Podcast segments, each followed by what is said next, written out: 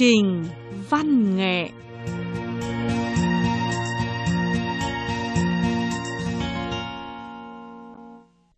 Các bạn thính giả và các bạn cư dân mạng thân mến, hoan nghênh quý vị và các bạn thưởng thức chương trình văn nghệ cuối tuần trên sóng Đài Phát thanh Quốc tế Trung Quốc. Hôm nay, Ngọc Ánh xin mời La Thành đến gặp gỡ các bạn và cùng Ngọc Ánh dẫn chương trình. Xin mời La Thành. Xin chào chị Ngọc Ánh, chào các bạn thính giả. Tôi là La Thành, rất vui lại gặp các bạn trong chương trình văn nghệ cuối tuần hôm nay. Chúc các bạn cuối tuần vui vẻ.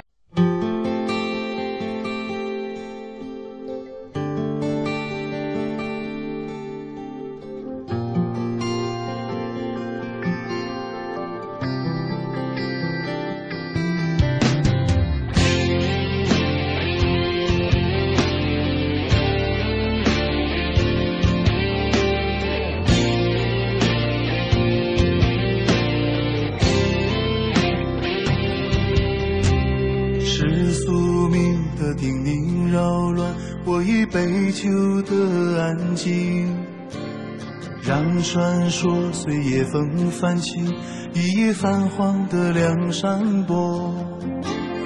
醉过的眼睛，飘过的人群，说到心里的爱情，带进手指触动风的身影。Vâng, uh, La Thành ơi, dạ. mùa hè rất là nóng Vâng. Mùa hè đến thì cũng có nghĩa là học sinh sau những ngày tháng học tập căng thẳng, các bạn có thể nghỉ ngơi, thư giãn thoải mái. Chính vì vậy mà Ngọc Ánh cảm thấy rất thèm À, chị Ngọc Ánh ơi, Ê.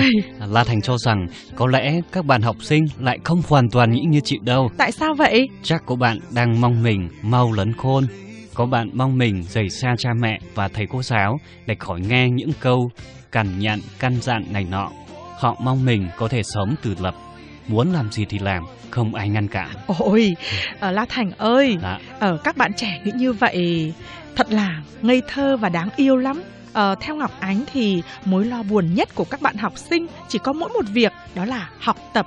Chứ thực ra nếu như mà các bạn lớn lên thành người thật sự rồi ấy mới có mối lo trăm bề nào là tìm kiếm công ăn việc làm này, nào là yêu đương gia đình này, nào là mua nhà mua xe, nào là thăng quan tiến chức, nào là nuôi dạy con cái, vân vân và vân vân nhiều lắm. Những điều buồn phiền của con người thường bắt nguồn từ đâu nhỉ? Có người nói bắt nguồn từ quá miệt mài khư khư. Có người nói là cứ vì so bì với người khác. Có người bảo là vì tham vọng quá lớn không được đáp ứng. La Thành cho rằng nỗi phiền muộn của bất cứ ai cũng đều đến từ sự lựa chọn. Bởi vì bất cứ ai trong suốt cuộc đời mình đều phải trải nghiệm nhiều lựa chọn, bất kể là sự lựa chọn liên quan đến các vấn đề như học tập, công việc, tình yêu vân vân. Tuy có cũng có sự lựa chọn rất dễ dàng, nhưng bất cứ ai cũng khó có thể tránh khỏi sự lựa chọn khó khăn. Ừ, La Thành nói như vậy cũng có lý. Ờ, có một câu nói mà Ngọc Ánh rất tâm đắc đó là dòng đời đâu đâu cũng là vũ đài, dòng đời nơi nào cũng có sự lựa chọn.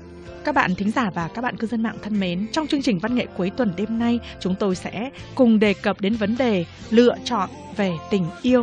Mời các bạn nghe bài tản văn Giữ chặt và buông tay. Đồng thời, xin mời các bạn thưởng thức mấy ca khúc hay Trung Quốc. Các bạn thân mến, trước khi nghe tản văn, mời các bạn thưởng thức ca khúc Giá như tôi là Lương Sơn Bá do giọng ca Chu Hiểu Âu trình bày. 先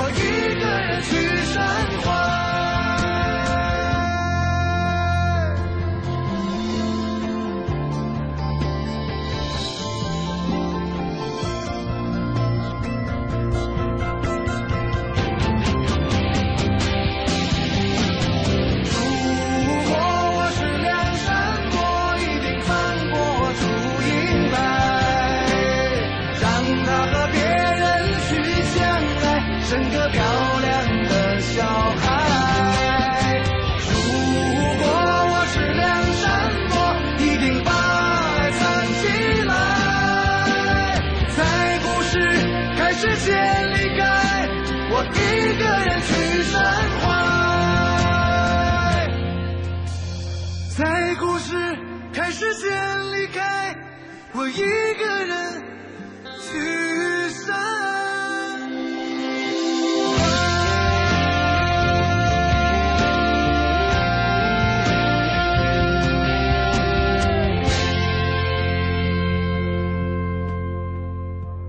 Có lẽ các bạn đã từng nghe qua truyền tích câu chuyện về tình yêu Lương Sơn Bá và Trúc Anh Đài đã lưu truyền trong dân gian Trung Quốc hơn 1.700 năm. Truyền rằng vào thời Đông Tấn cổ đại Trung Quốc, tại tỉnh Chiết Giang có một nàng thiếu nữ tên là Trúc Anh Đài. Thời phong kiến, con gái Trung Quốc đều không được xuất đầu lộ diện ra ngoài và càng không được phép cắp sách đến trường. Chính vì thế mà nàng Trúc Anh Đài ham học, bèn phải nữ đóng giả trai đi học tại một trường ở thành phố Hàng Châu. Giữa đường nàng gặp chàng Lương xuân Bá cũng đi Hàng Châu học. Thế là hai người cùng sánh vai lên đường. Hai người bạn trẻ kết bạn cùng trung học 3 năm. Tình bạn của họ ngày một trở nên gắn bó. Một thời gian sau, Trúc Anh Đài đành phải giang dở việc học để trở về quê. Rồi về sau nữa, khi Lương Sơn Bá đến thăm Trúc Anh Đài, chàng mới biết rằng thì ra người bạn học thân thiết của mình trong 3 năm qua lại là một nàng thiếu nữ.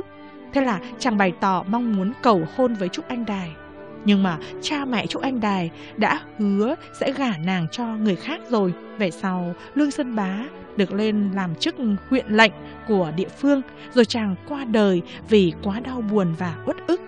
Hôm Trúc Anh Đài đi gả chồng, dọc đường đi qua mộ của Lương Sơn Bá, có một cơn gió mạnh bất chợt thổi đến, ngăn chân đội ngũ rước dâu lại. Thế là Trúc Anh Đài liền bước xuống kiệu hoa đi đến trước mộ Lương Sơn Bá. Rồi không ngờ ngôi mộ Lương Sơn Bá bị nứt ra làm đôi. Chú Anh Đài bèn chui ngay vào trong mộ. Một lúc sau, bỗng có một đôi bướm bướm màu rất đẹp từ trong ngôi mộ bay ra. Cả hai cùng cất cánh bay đi, bay xa, bay khỏi trần gian.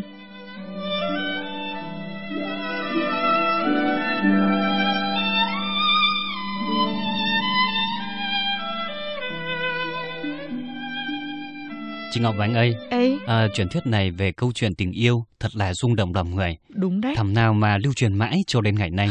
À, rất nhiều các văn nhân mặc khách đã cải biên cốt truyện hoặc dựa vào đó mà sáng tác nhiều nhạc phẩm hay, bài hát Giá như tôi là Lương Sơn Bá có đoạn Giá như tôi là Lương Sơn Bá Nhất định buông rời chúc anh đài Để nàng đi yêu anh chàng khác Sinh con nhỏ bụ bẫm đáng yêu Giá như tôi là Lương Sơn Bá Nhất định cất giữ tình yêu lại Buông rời từ buổi tình ban đầu Để tôi một mình chịu nỗi đau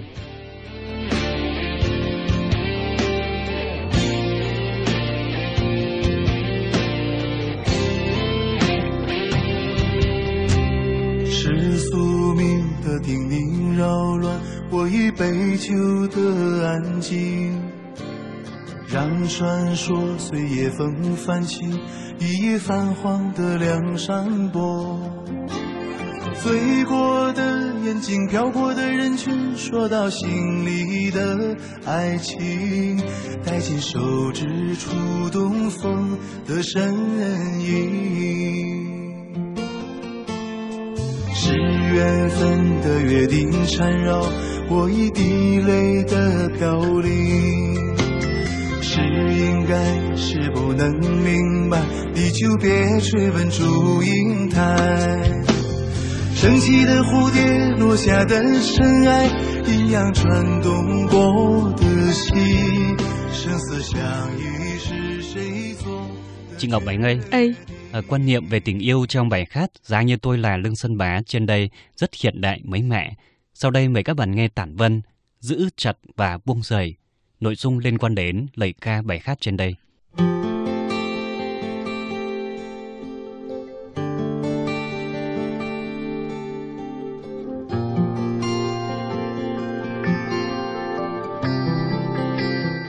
giai điệu bài hát cao và vang nhưng lại mang đến một cảm giác rung động, thê lương, đẹp đẽ. Giá như tôi là Lương Sơn Bá, nhất định buông rời chúc anh đài, để nàng đi yêu anh chàng khác, sinh con nhỏ bụ bẫm đáng yêu. Giá như tôi là Lương Sơn Bá, nhất định cất giữ tình yêu lại, buông rời từ buổi tình ban đầu, để tôi một mình chịu nỗi đau. 醉过的眼睛，飘过的人群，说到心里的爱情，带进手指触动风的身影。是缘分的约定缠绕我一滴泪的飘零，是应该是不能明白，你就别追问祝英台。升起的蝴蝶，落下的尘埃，阴阳转动过的心，生死相依。 Có lẽ nhiều người đều biết rằng Lương Sơn Bá và Trúc Anh Đài, Bạch Xà Chuyện, Mạnh Khương Nữ và Ngưu Lang Chức Nữ cùng được gọi là bốn câu chuyện truyền thuyết dân gian lớn cổ đại Trung Quốc, được lưu truyền đã gần 1.500 năm, được mệnh danh là thiên cổ tuyệt khúc. Xưa nay, có biết bao người phải rung động trước tấn bi kịch của đôi tình nhân Lương Sơn Bá và Trúc Anh Đài. Chính vì vậy mà mối tình Lương Sơn Bá và Trúc Anh Đài được ví như mối tình Romeo và Juliet phương Đông.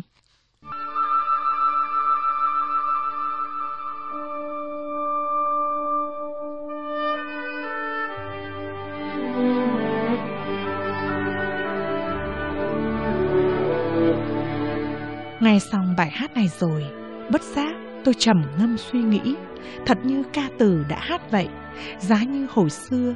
Lương Sơn Bá buông rời Trúc Anh Đài, buông rời mối tình trung thủy để nàng đi yêu người khác, thì làm gì có được mối tình hóa điệp lãng mạn thê lương, làm sao mà có được bản tuyệt khúc ngàn xưa làm rung động lòng người. Tôi nghĩ rằng, và hẳn có nhiều người cũng nghĩ như tôi rằng, đều không muốn như vậy và cũng không thể đi ra khỏi câu chuyện tình lãng mạn thê lương của Lương Sơn Bá và Trúc Anh Đài. Không thể chấp nhận sự suy nghĩ như vậy, chỉ cảm thấy đây chẳng qua chỉ là tuồng kịch sân khấu mà thôi. Bình tâm mà suy tư cho kỹ thì hóa điệp chưa chắc là kết quả duy nhất. Buông rời cũng chưa chắc không phải là một thái độ tích cực. Có một thứ tình yêu chính là buông rời khi hết thảy mọi nhân tố đều hiển thị rằng con đường tình sẽ đầy rẫy trông gai, nhiều trắc trở bất thường, thì có lẽ chỉ có buông rời mới chính là sự giải thoát cho mớ tình gian díu nhau. Và chính như vậy mới có thể đem lại cho nhau có được cơ hội hạnh phúc. Tất nhiên rồi, những mối tình lãng mạn đẹp đẽ tương trợ lẫn nhau, hoạn nạn có nhau, luôn ở bên nhau cho đến về già, thường làm tôi phải cảm động yêu những gì anh yêu, đau những gì anh đau, hạnh phúc những hạnh phúc của anh, đau buồn những đau buồn của anh, cùng nâng đỡ nhau từ từ cho đến khi già dần, già dần. Thế nhưng trong hiện thực, rất nhiều rất nhiều tình yêu lứa đôi đâu mà có thể sánh vai nhau đi mãi đi mãi hoàn mỹ như vậy cho được. Một lòng theo đuổi, yêu đến si tình, thường bị hiện thực của xã hội va đập thân phận, sự tranh lệch về địa vị, giàu nghèo của cá nhân và gia đình sẽ làm cho bàn cân của tình yêu bị nghiêng, bị lật. Tình yêu lứa đôi cũng vì thế mà thường phải chịu ngăn cản bằng mọi cách. Muốn yêu nhưng lại không thành, đành phải chia tay nhau. Hoặc bị muôn vàn những sự việc vụn vặt của cuộc sống quấy dày, đâm ra tình yêu vốn có của hai người đã đến nấc cuối cùng thậm chí rất có thể còn làm phương hại lẫn nhau. Tình yêu chân thành, tình yêu đẹp đẽ, tình yêu bất lực, tình yêu bi thương. Người đang trong mối tình đang yêu thực ra mới là đáng thương nhất, bởi vì tất thảy nỗi lòng đau thương ưu sầu thê lương, không biết dốc bầu cùng ai và cũng không ai có thể thấu hiểu. Mối tình nào cũng rất đẹp đẽ vào lúc ban đầu, rồi kết thúc một cách bất lực tàn nhẫn chẳng ra gì. Trong dòng tình yêu, có lẽ chỉ trong quá trình yêu nhau mới được coi là tuyệt vời. Thứ tình cảm trong trắng, chân thật, đẹp đẽ nhất chỉ xuất hiện trong giây phút mà cung đàn của hai con tim rung lên trong cùng một lúc. Yêu nhau thì dễ dàng, nhưng cư xử thì lại khó. Cư xử dễ dàng, nhưng giữ chọn mối tình thì khó tình yêu chỉ là một thứ lý tưởng, chỉ cất giữ trong trái tim, thì tình yêu mới trở nên tươi đẹp. Mối tình đi sâu mãi mãi thì đã làm sao? Không một sức mạnh nào mạnh đến nỗi có thể chi phối vận mệnh. Đã yêu một người rồi thì phải để người mình yêu có được cuộc sống êm ấm.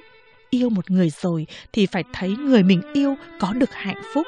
Đã đành rằng chúng ta không thể nào trông thấy được điểm cuối của sự sống. Lúc này đây, buông rời cũng là một cử chỉ rất đẹp đẽ. Buông rời rồi cũng có nghĩa là buông bỏ một khung trời không thuộc về mình. Như vậy cả hai người cũng đều có thể cảm thấy dễ chịu hơn. Con đường này không thông suốt, vậy thì lựa chọn con đường khác mà đi. Biết đâu đó sẽ là con đường rộng thoáng hơn và càng bình yên hơn.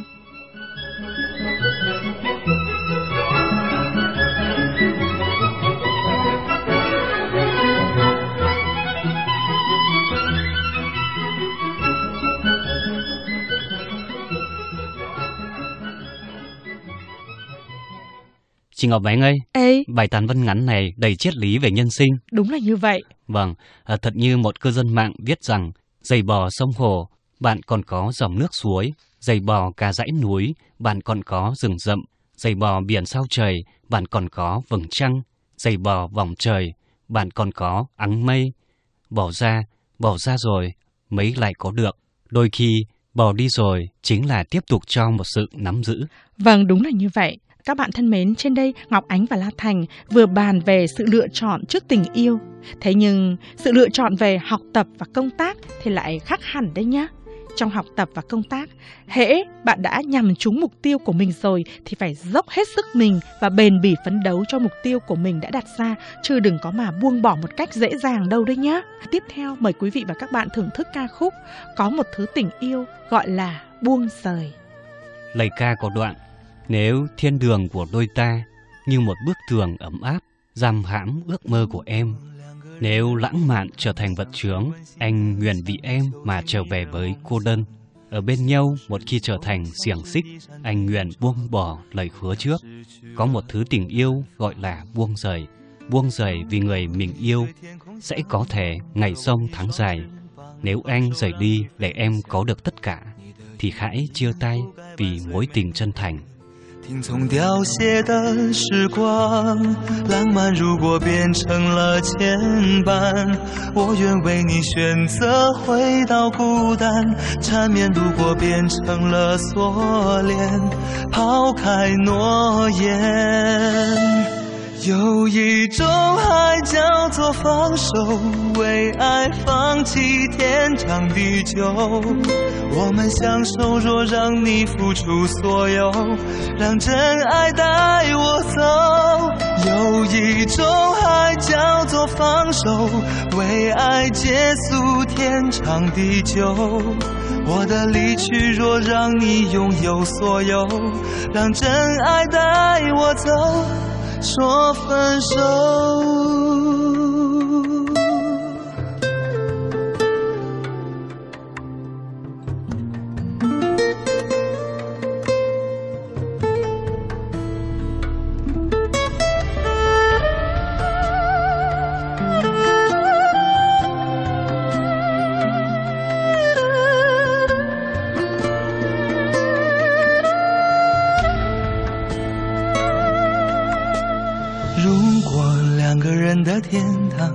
是温馨的墙，囚禁你的梦想，幸福是否像是一扇铁窗，候鸟失去了南方？如果你对天空向往，渴望一双翅膀，放手让你飞翔。你的羽翼不该伴随玫瑰，听从凋谢的时光。浪漫如果变成了牵绊，我愿为你选择回到孤单。缠绵如果变成了锁链，抛开诺言。有一种爱叫做放手，为爱放弃天长地久。我们相守，若让你付出所有，让真爱带我走。有一种爱叫做放手，为爱结束天长地久。我的离去若让你拥有所有，让真爱带我走。